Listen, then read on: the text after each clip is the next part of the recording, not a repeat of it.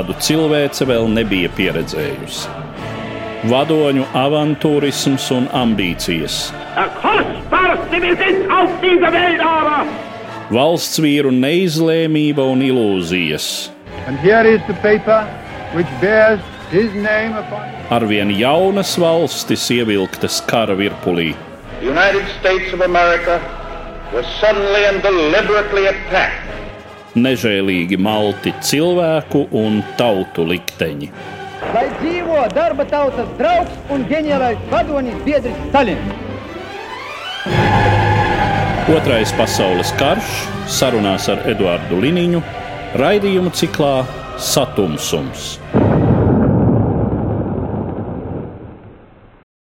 Labdien, cienījamie klausītāji!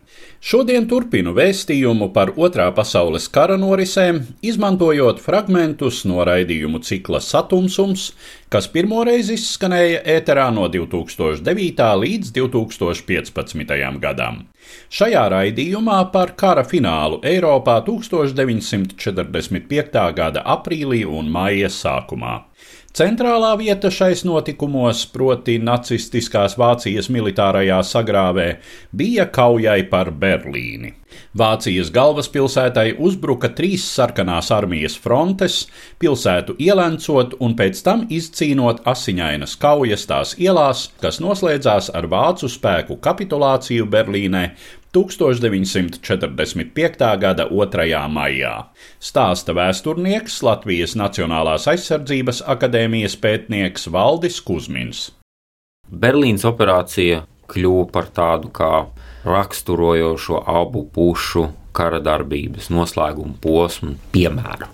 Ko tad par šiem asiņainiem austrumfrontes gadiem abas puses bija iemācījušās un pie kādiem secinājumiem abas puses bija nonākušas?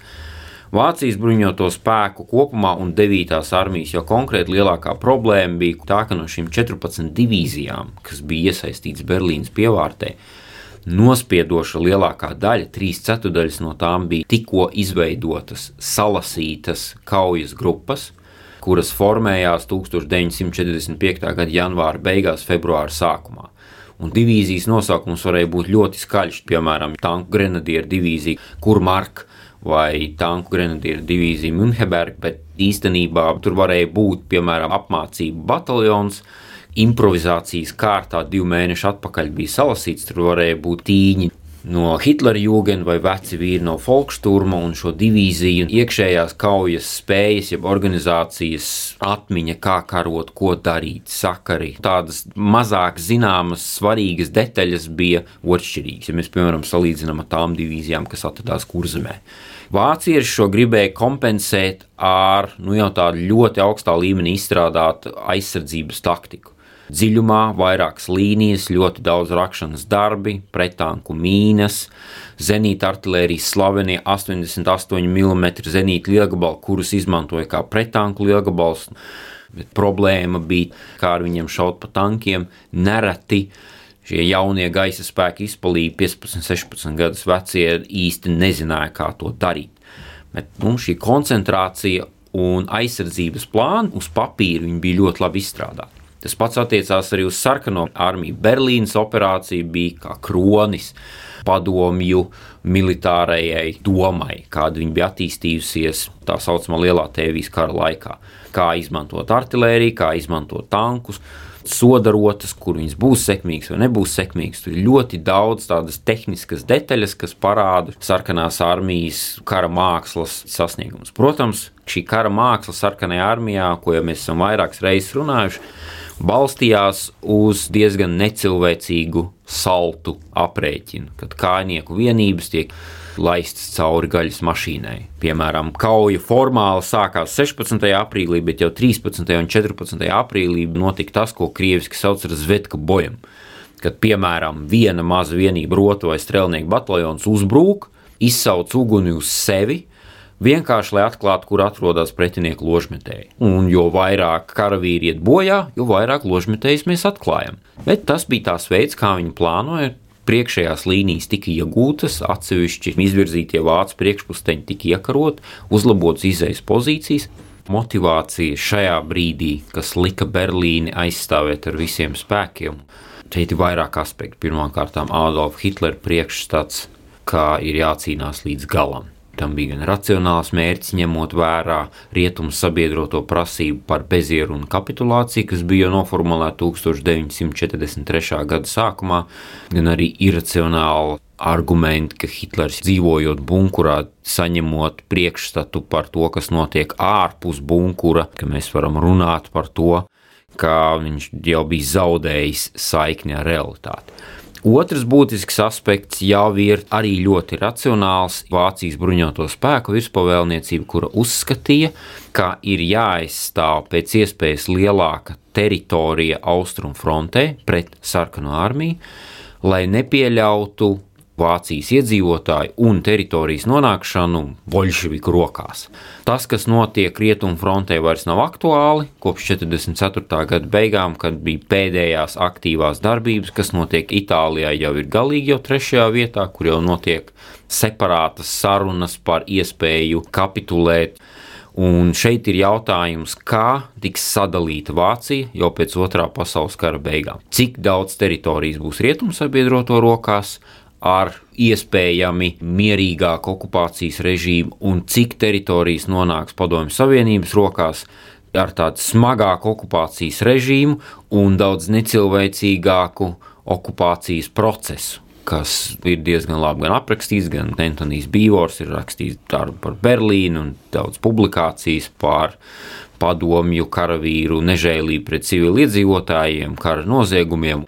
Kopumā, ja mēs skatāmies visu, ko padomju historiografijā un militārā vēsturē sauc par Berlīnas uzbrukuma operāciju, bija iesaistīti 2,5 miljoni sarkanās armijas karavīri, kas bija sadalīti trijās frontēs - Rokosovskis, Žukovs un Koņevs šo pēdējo divu Žukovu un Koņevu sāncensība ir diezgan plaši aprakstīta. Sacensība, kurš pirmais Berlīnē ieradīsies, varēs uz Reichstāga uzvilkt sarkano karogu. Rokosovskas ziemeļos, trešā Baltkrievijas frontes jau bija ošķirīgais uzbrukuma virziens. Sāncensības ietvaros galveno uzbrukumu bija paredzēts veikt pirmajai Baltkrievijas frontei Georgijas Žukuma vadībā no iekarotajiem placdarmiem Oderas rietumu krastā, tad salīdzinoši netālu no Berlīnas, apmēram 100 km. Uzbrukums pilnīgi prognozējumā vietā. Visiem bija skaidrs, ka uzbrukums būs no turienes. Un skaitļi, ko sarkanā armija piesaistīja kopējai šai uzbrukuma operācijai, nu, savā ziņā ir fantastiski. Jā. 6250 tanki, lidmašīnas, ja nemaldos, 7000. Artilērija, kas bija pieejama, bija 40,000 un vairāk. Skaitļi dažādi, ja ņem vērā, kādi kalibri tiek uzskaitīti vai kādas artilērijas sistēmas tiek uzskaitītas. Un tas, ka padomju vadība jau sāk izmantot atomu kara mērvienības, kad to mēr jau nevis lielgabalu šāviņos, bet kilotonnās. Tas ir cik daudz sprāgstvielas uz kvadrātkilometru tiks izlietots no Vācijas bruņoto spēku puses ir ļoti grūti nodefinēt, cik bija padomju historiogrāfija vienmēr minēta apmēram viens miljons karavīru, bet tas ir stipri pārspīlēts, jo šeit jau tika ieskaitīti pilnīgi visi, un te, protams, arī ugunsdzēsēji skaistās uniformās arī tiek pieskaitīti. Tāpat tiek skaitīts Vācijas bruņoto spēku visas lidmašīnas, kas atradās Vācijā, jo, protams, brīdī, kad rietumu sabiedroti arī virzās, lidmašīnu var izmantot vienu dienu pret rietumu sabiedrotiem, otru dienu pret padomju armiju, un ļoti daudz kas tā arī tika darīts. Šie skaitļi ļoti, ļoti grozās uz vienu vai uz otru pusi. Svarīgākais, kas bija šajā operācijā un kas izšķīra, varētu teikt, kaujas likteni, ir armija grupas Visla Smakpunkts 9. armija, armija grupa visu komandēja Gotthards Heinrici, tāds klasisks austrumu frontes komandieris, kurš savus lielākos panākumus guva tieši austrumu frontē, tajās vietās, kur bija pozīcija karš 43. gada beigās, 44. gada sākumā, ļoti sekmīgi ar ļoti lieliem sarkanās armijas zaudējumiem to spēja noturēt. Viņš arī bija iecelts par šīs armijas grupas visla komandieru tā saucamā Zēlovas augstienes, kur aizstāvējās Vācijas 9. armija. Tās sastāvā bija 14 divīzijas, dažas no tām tanku, 112 tūkstoši karavīru, 587 tanki, 2600 lielgabalu apmēram. Pret tiem savukārt kaujā tika iesaistīta pirmā Baltkrievijas fronte, Georgijas Žuku vadībā, kuras kopējais spēku, ko viņi varēja izmantot, bija apmēram 1 miljons karavīru.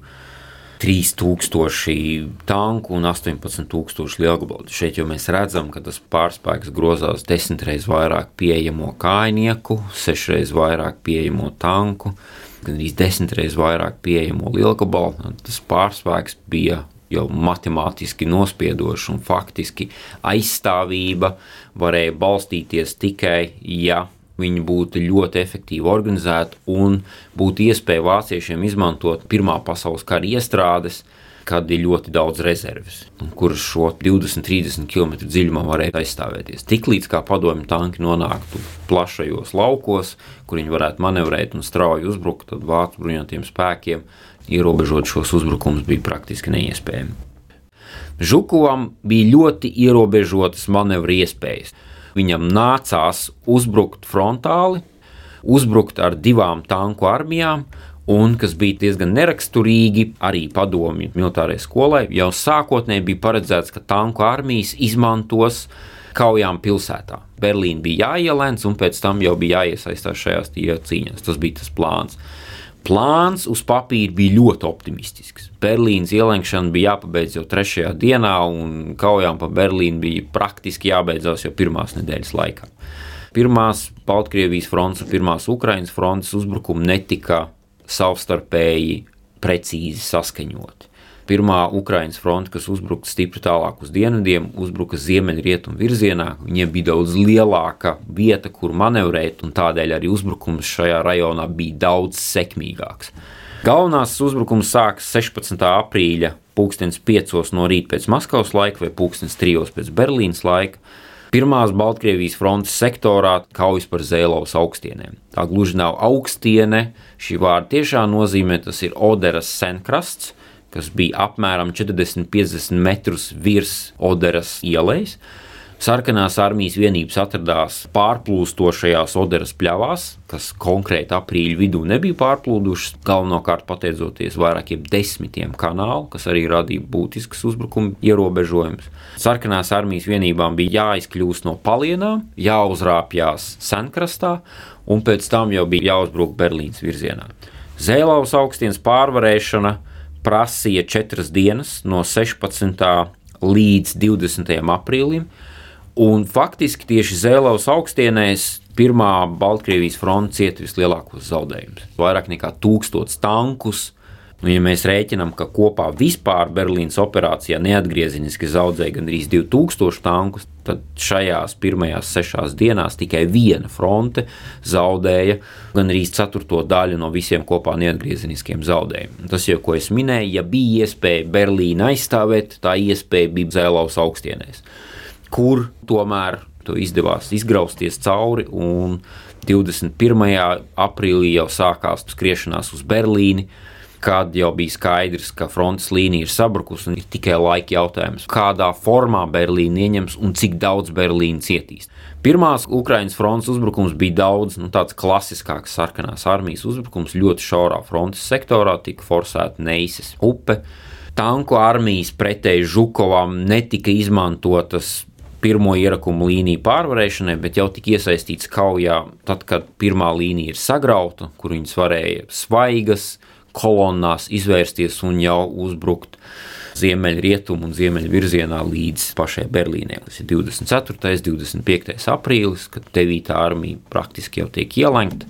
Pēc tam mēģina pie halbas izlausties, bet jau kaujas līdz aprīļa beigām praktiski noslēdzās. Tā ir viena asiņaina nedēļa kauju pašā Berlīnas iekšienē, kas beidzas ar 2. maija kapitulāciju, kad 56. tanka korpusa komandieris Otto Veidlings kapitulē, kas ir arī nofilmēts padomju karaspēkam. Hitlers jau ir izdarījis pašnāvību savā bunkurā.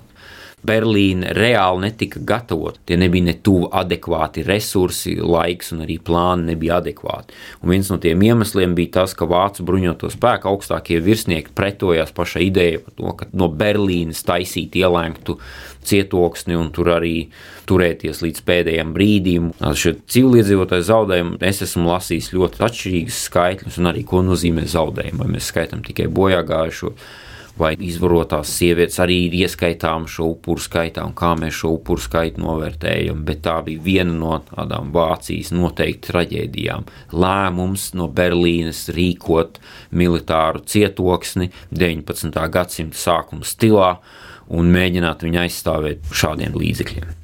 Līdz ar nacistu reiha vadoņa Adolfa Hitlera pašnāvību 1945. gada 30. aprīlī vācu spēku vispārējā kapitulācija bija vairs tikai dažu dienu jautājums. Turpina Valdis Kusmins.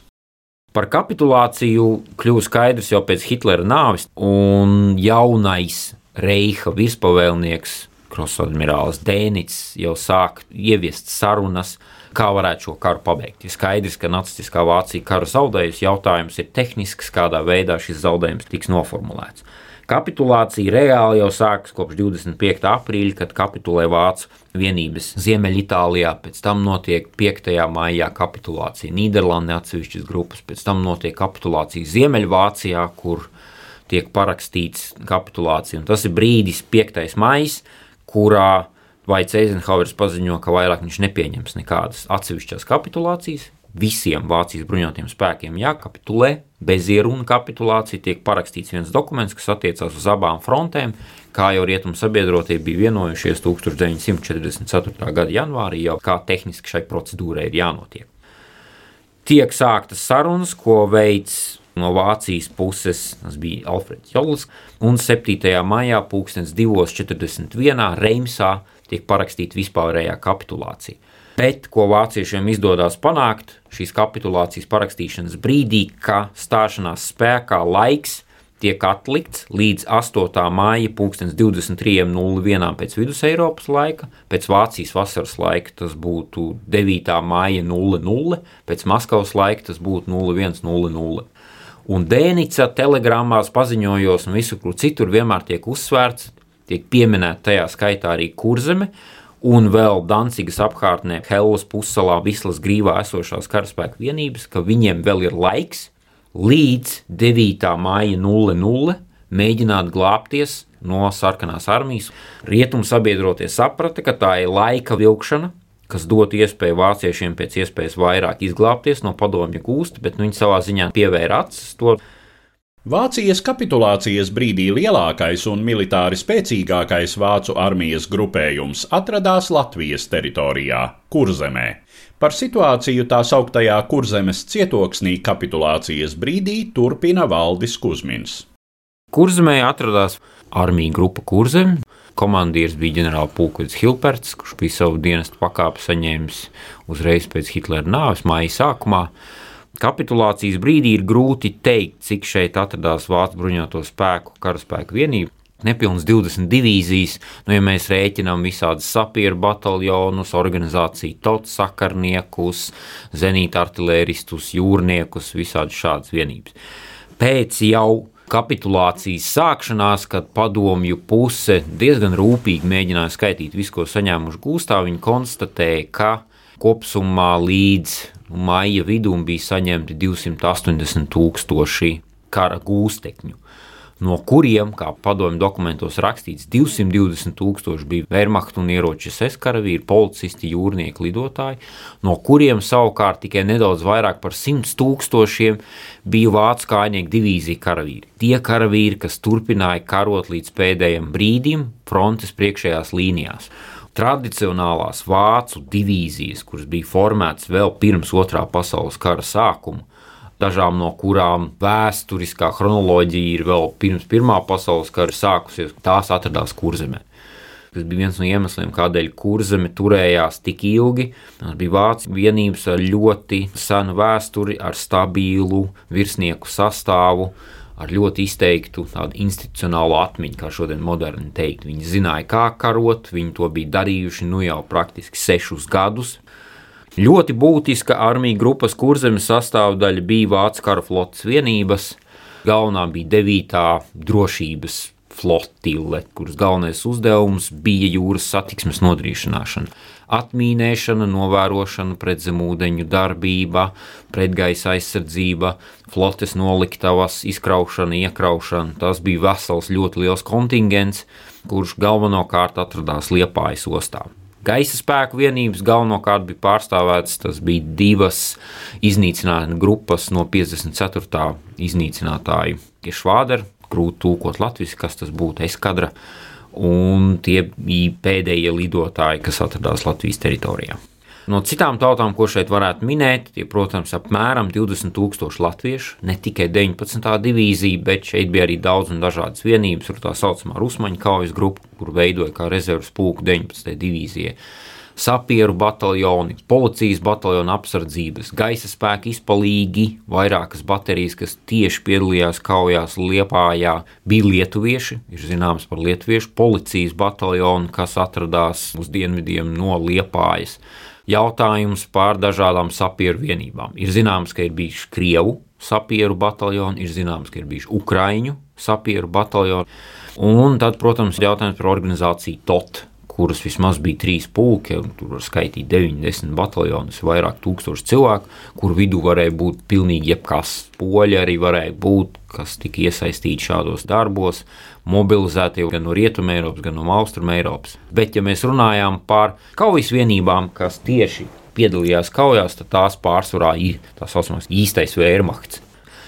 Jautājums, kas tie pārējie 60 tūkstoši? Tie varētu būt no Padomju Savienības atbeigušie bēgļi, tātad vīriešu vecumā 15, 16 līdz pat sirmam vecumam, vietēji iedzīvotāji bēgļi no Latvijas teritorijas, kurus visus ieskaitīja kara gūstekņos vai nosūtīja uz filtrācijas nometnēm. Tur bija arī sarkanās armijas kara gūstekņi, kuri tika saņemti gūstā un atradās gūstekņu nometnēs. Skaits bija nedaudz vairāk par 8000. Vācu noturētajā kurzemē atradās ļoti liels skaits. Es tā pieļauju, ka tas būtu desmitos tūkstošu mērāms. Tie bēgļi, kas ne tik daudz brīvprātīgi, bet tieši vācu okupācijas varu spiesti, tika evakuēti gan no Leņņģeradas apgabala, gan no Latvijas austrumu pierobežas, kur tika veikti dažādas tīrīšanas akcijas. Baltkrievijas apgabaliem, un tās liecības arī ir, viņi tika iesaistīti darbos. Vācieši ļoti strikti nodalīja šos bēgļus, un īsti Vācijas reihā viņus redzēt negribēja. Izceļošana uz Vāciju nebija tik salīdzinoši vienkārša. Viņiem bija jāsaņem ārzemnieku pases, atļaujas, bija karantīnas nometnes. Par to, kas arī latviešu daļu literatūrā ir iezīmējies kā tāds tēls, tas ir kurzemes mežs. Kas Jā. tad tajā brīdī atrodas kurzemes mežos? Kurzemes mežos vieglāk būtu uzskaitīt, kas tur neatrodas. Tur varēja atrasties gan arī jebkas. Kurzemē 44. gada oktobrī, novembrī sakoncentrējās gandrīz visi. Tie bija dažādi bēgļi, kas negribēja bēgt prom no kurzemes. Tie ir arī ebreji, kurus vēl mēģināja evakuēt, piemēram, no Dunkas apkārtnes koncentrācijas nometnēm, kur viņas bija savākuši pēc Rīgas evakuācijas, cik nu iznīcināja, cik evakuēja, cik viņi gāja bojā. Kurzemē darbojās arī sarkanie partizāni. Viņi bija nedaudz, bet tās bija vienības, kuras jau 1944. gada pavasarī, vasarā, rudenī bija nokļuvušas no padomju kontrolētās teritorijas kājām, nonāca kurzemē un dažādos kurzemes rajonos, ziemeļkurzemē vai Pāvilostas apkārtnē, mežos izvērsa darbību pret Vācijas bruņoto spēku vienībām. Bet šī darbība bija ļoti ierobežota, un iemesls bija, ka vācu karaspēks bija ļoti daudz šajā mazajā teritorijā, tad viņiem darboties bija stipri sarežģīti. Ļoti interesanta daļa bija tā saucamā sarkanā bulta un veids, kā sarkanā bulta vispār izveidojās. Sarkanās bultas pirmie komandieri un pēc tam vēlākie aktīvākie darbinieki nāca no Vācijas brīvprātīgo policistu vienībām. Tie bija Latvijas iedzīvotāji, krievi pēc tautības, kuri Daugopilī 1943. gada sākumā tika saformēts policijas bataljons, kurš piedalījās gan pretpartizāna akcijās Baltkrievijā, gan robežas apsardzībā, gan visur citur. Kad šo bataljonu līdzīgi kā Latviešu policijas vienības 44. gada beigās grasījās evakuēt uz Vāciju, Tad viņi nolēma doties mežos un kļūt par padomju varas atbalstītājiem. Pirmie bija apmēram 20. Latvijas kara muzejā ir saglabājies tāds unikāls materiāls, sarkanās armijas galvenās izlūkošanas pārvaldes personu lietu apraksts. Tā ir klāde, kur ir ierakstīti sarkanās bultas dalībnieki, vairāk par 50, un praktiski visiem viņiem ir kaut kāda vai nu vācu policijas, vai vērmachta, vai dažādu citu struktūru iepriekšējā pieredze. Daļa ir no kureļu grupas pārnākuši, daži bijušie policisti, daži bijušie leģionāri. Tas ir iemesls, kādēļ padomju virspavēlniecība neatbalstīja šo brigādu sarkanā bultu, jo oficiāli pa brigādu viņa nekad netika izveidota kādēļ vienmēr tika strikti noteikts, ka sarkanās armijas izlūku grupām profesionālajām jāturās atsevišķi no sarkanās bultas, ka uzticība sarkanajai bultei nekad nebija pilnīga. Un pēdējā lielā grupa, kas vēl atradās Kurzemes mežos, bija manas minētās profesionālās sarkanās armijas izlūku grupas. Tie ir klasiskie desantnieki, kas patiešām tika naktī desantēti. Grupu skaits Kurzemē bija liels. Bija sarkanās karaflotes izlūki, gaisa spēka izlūki, NKVD savu izlūki, divas Baltijas frontes sūtīja savus izlūkus, Tas bija desmitos grupu, un kara darbība bija ļoti, ļoti intensīva. Un, ja salīdzina, cik viegli sarkanās armijas izlūkiem bija dzīvot Baltkrievijā, Krievijā un Ukrainā, kur kontrolēt teritoriju vācieši nekādīgi nevarēja, tad šeit, kurzemē, tas bija nopietns pretpartizāņu karš ar slēpņiem, ar izlūkošanu, ar civiliedzīvotāju arī arestēšanu, ar aģentūru un vispārēju, un šiem izlūkiem gāja ļoti smagi. Kā tad notiek pati kapitulācijas procedūra kurzemē? Un kurzemes gadījumā tā pavēle ir saglabājušās arī Vācijas arhīvā, gan sarakste, telegrammas, kā notiek šī evakuācija. Tas uzstādījums bija sekojošs. Visi, kas ir vien spējīgi no kurzemes izglābties, līdz 8. maija vēlam vakaram. Tas ir 9. māja 00. Visiem kuģiem jābūt jūrā. Visi tie kuģi, lidmašīnas, vispārējais, kas atrodas jūrā, tiem ir dota iespēja ceļot un padoties rietumu sabiedrotiem, kur tas izdosies. Vai nu tā ir Dānija vai Ziemeļvācija, kur atrodas rietumu sabiedroto vienības. Tajā pašā laikā jau kad notiek šīs vācu sarunas savā starpā, kā brauks, kurš brauks, no kurām ostām, kā tas viss notiks, Maršals Govorovs 7. maija vakarā izsūta radio ziņojumu adresētu armiju grupas kurzem virspavēlniecībai ar paziņojumu, ka Vācijas bruņotie spēki parakstījuši kapitulāciju, un kurzemēji arī tiek piedāvāta bezieruna kapitulācija un ir jāsāk sarunas. 8. maija rītā tiek apstiprināts, ka Mēs pieņemam jūsu ultimātu, un pēc tam seko jau sarunas, brauc armijas komandieri, katrs atsevišķi parakstīja savu kapitulācijas aktu, un vienošanās paredzēja, ka no 8. maija 14.00 ir pamieris un tiek sākt sarunas. Pati kapitulācija, kad tieši kapitulē, ir ļoti relatīva. Tas vienmēr ir jautājums, kad kurzemē kapitulē 8., 9., 10., 11. Tas bija atkarīgs no katras individuālas karaspēka vienības, jo procedūra paredzēja, ka abās pusēs sešos šie komandieri satiekās un tad vienojās. Piemēram, 130. Latvijas strēlnieku korpuss pieņēma 24. Vācu kājnieku divīzijas kapitulāciju. Sarunas tika sāktas 8. māja vakarā, kur vienkārši satikās plāņu mūžā.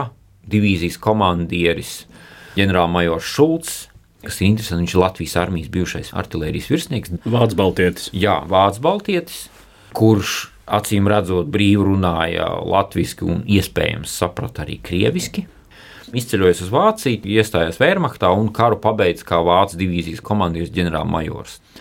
Fotogrāfijas no pašas kapitulācijas gaitas ilgus laikus bijušajā revolūcijas muzejā glabājās tādā apmaiņas fondā kurus uzskatīja, ka īsti viņas nav publicējums, jo tie skati tādi neatbilstoši padomju priekšstatam par kapitulācijas gaitu. Piemēram, piecas bildes, kur padomju virsnieks pīpē.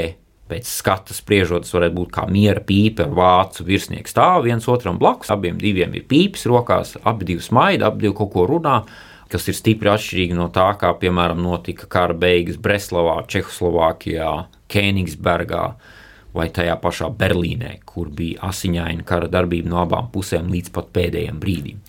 Un vēl, teiksim, unikālāk ir kino fotodokumentu arhīvu kadri, kurus arī var redzēt kara muzejā, kā notiek 12. tanku divīzijas kapitulācija, kur viens no tanku bataljona komandieriem ierodās kapitulācijas laukumā, Matkulas apkārtnē, viņš iebrauc sēžot uz tanka, apstājās, salūtē, nokāpa no tanka. Viņam pretī dodas padomju tankists, arī sveicina, atbilstoši militārajām tradīcijām, sasveicinās, kas tā tīri vizuāli drīzāk būtu atbilstoši. Vairāk, piemēram, amerikāņu pilsoņu kara kapitulācijas skatam, kaut kas no 19. gadsimta, bet nekas, kas būtu tāds vispār pieņemts otrā pasaules kara kontekstā. Šī kapitulācija varēja notikt kā nu kurā vietā, bet Lielos vilcienos tā bija ļoti korekta, un kā rakstīja pavēlē arī Hilperts, ka kapitulācijai ir jābūt no Vācijas puses ļoti korektai, jo no tā ir atkarīgs, kā padomju puse attieksies pret Vācijas kara gūstekņiem vēlāk. Līdz ar to izskan mūsu šodienas raidījums, kas bija veltīts Otrā pasaules kara noslēgumam Eiropā, tā skaitā Latvijas teritorijā 1945. gada maijā. Dzirdējāt vēsturnieku Latvijas Nacionālās aizsardzības akadēmijas pētnieku Valdi Kuzminu. Uz redzēšanos, cienījamie klausītāji! Raidījumā šīs dienas acīm cikls Satumsums sarunas par Otro pasaules karu.